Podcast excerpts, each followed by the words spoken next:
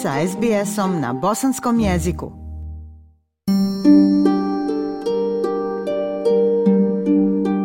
Slušate program SBS radija na Bosanskom. Pripadati zajednici može biti veliki izvor utjehe i snage, ali ponekad potraga za osjećajem pripadnosti može biti uzrok da ljudi krenu nekim mračnim i ekstremnim putevima. Današnja epizoda To the Extreme, Hane istražuje pitanje zašto se ljudi pridružuju ekstremističkim pokretima.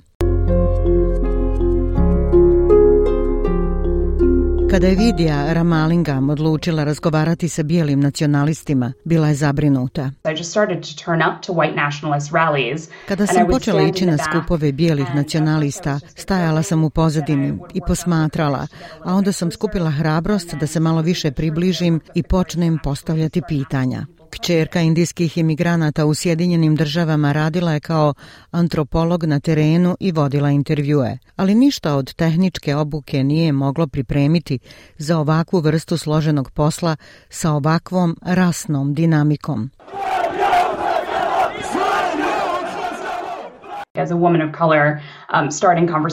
Kao žena tamnije boje kože koja počinje razgovarati s ljudima um, iz bjelačkog nacionalističkog pokreta, tu je inherentna dinamika moći, tu je borba da razgovarajući s pojedincima već probijate niz barijera. Prije nego što je prisustvovala skupovima, gospođa Ramalingam provodila je vrijeme sa istomišljenicima u grupama antirasističkih aktivista, ali je ubrzo otkrila da to nije dovoljno.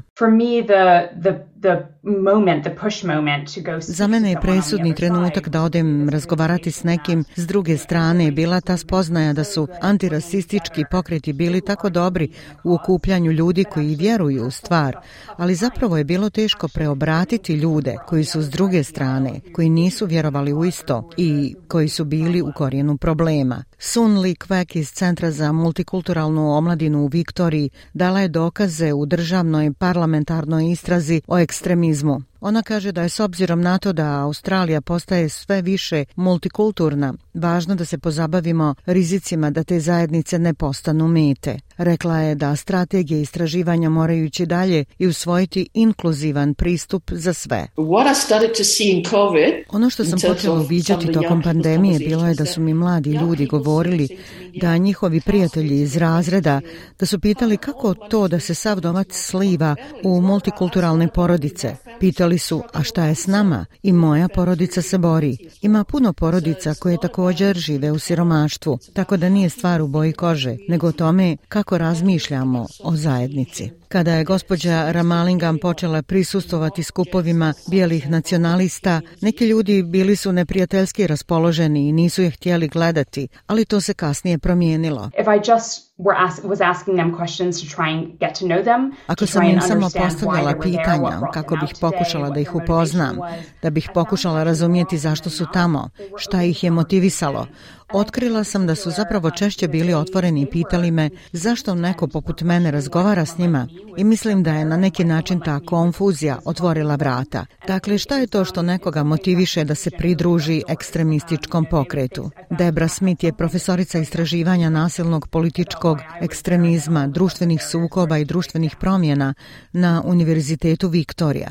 Ona kaže da mnogi tragaju za osjećajem smisla who I feel comfortable with, Um, who I see as my enemies, Radi se o um, tome s kim se osjećamo ugodno, koga vidimo kao svoje neprijatelje, s kim se družimo, a s kim ne. To su zaista emocionalni koncepti.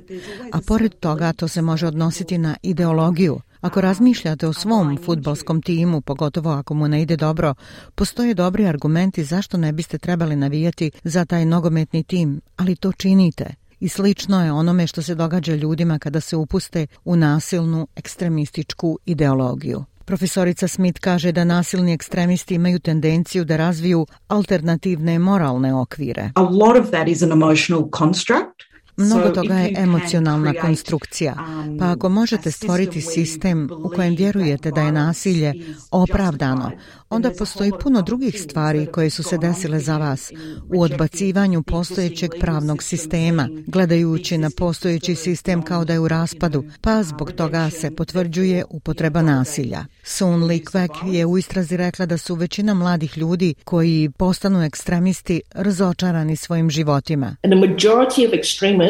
A većina ekstremista, bilo da je riječ o islamistima ili o nadmoći bijelih, ono što nam je pokazalo istraživanje je da mladi ljudi imaju malo stvarnog ili dubokog znanja o vjerskim ili političkim doktrinama koje podržavaju, ali bivaju uvučeni u to jer su većinom mladi ljudi neangažovani. Ona kaže da se često pokušavaju uhvatiti u koštac s mnogim aspektima adolescencije. Socijalna izolacija, raspad porodice, problemi mentalnog zdravlja u kontekstu razvoja adolescenata. Razmišljamo o razvoju adolescenata gdje znamo kroz istraživanja i ono što nam je nauka rekla da se mozak još uvijek razvija, a razvoj mozga ide sve do ranih 20. Dakle, mozak se razvija u kontekstu mladih ljudi koji pokušavaju formirati i osjećaj identiteta i pronalaze taj osjećaj pripadnosti i otkrivaju osjećaj povezanosti. Profesorica Debra Smith kaže da iako oni u početku mogu imati osjećaj smisla, mnogi na kraju napuste pokret. Most people will leave voluntarily. Većina ljudi će otići dobrovoljno, bez ikakve pomoći ili guranja. Uklonit će se iz situacije. Za nas je pitanje kako spriječiti ljude da se uključe, ne samo zato što uključivanje može naškoditi drugim ljudima. To je i za njih štetno. Pandemija je omogućila širenje narativa ekstremne desnice u Australiji. Profesorica Smith kaže da internetske veze i društveni mediji mogu ojačati odnose u vanjskom svijetu, navodeći napadača džamije u Christchurchu who's, you know, clearly acted alone. Uh, Koji je očito ah, djelovao sam, nije bio sam. Djelovao je sam, ali je također pripadao širim grupama. Bio je povezan putem društvenih medija s pokretima moći bijelih u Australiji i širom svijeta i tako vam društveni mediji pomažu da kreirate i održavate te veze. Dakle, ako možemo razumjeti neke od motivacija za ono što ljude privlači u ove pokrete, šta je to zbog čega izlaze iz pokreta? Prošlo je skoro deset godina od kako je Vidija Ramalingam prvi put prisustvovala skupovima bijelih nacionalista u Europi i to je ono što je naučila.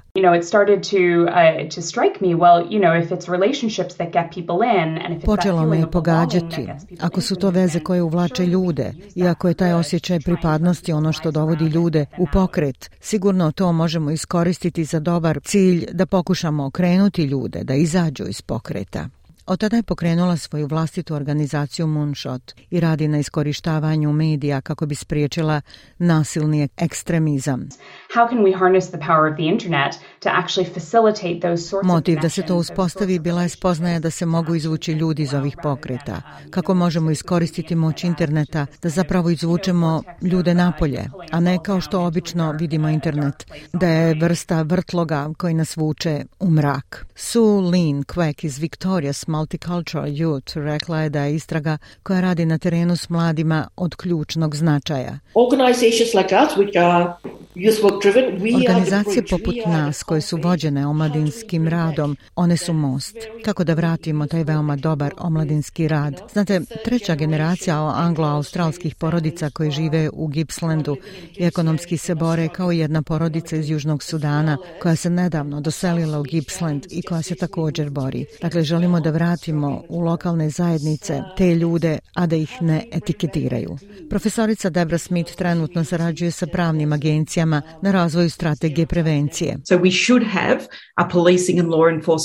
Trebalo bi da imamo policijski i politički odgovor za komponentu nasilja, za ljude koji prelaze prag kriminala, ali također mislim da moramo biti bolji i u reakciji vlade, reakcija oko ljudi koji su generalno omraženi na mreži, koji čine dijela koja su vrlo prijeteća i postupaju nasilno prema ljudima koji su na njihovoj meti, ali koja nužno ne prelaze prag na kojem policija može podnijeti optužbe za terorizam. Sun Likvek je rekla u istrazi da kada je u pitanju razvoj politike ponekada razgovaramo o stvarima koje mogu da raspale, a ne da pomognu.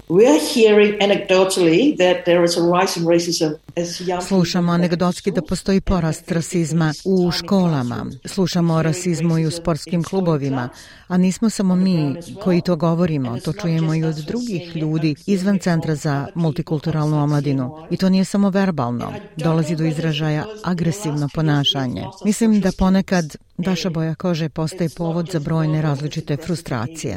Debra Smith kaže da lideri imaju odgovornost da vode računa o jeziku koji koriste. By far the biggest entry point into the far right is through islamophobia or ulazna tačka za um, krajnju desnicu je kroz islamofobiju um, ili antiislamsku retoriku, uglavnom zato što se to tako lako može činiti u javnom uh, prostoru, zato što smo dovedeni do tačke da nismo čak ni šokirani zbog toga što su ljudi islamofobični ili govore zaista grozne stvari o muslimanima.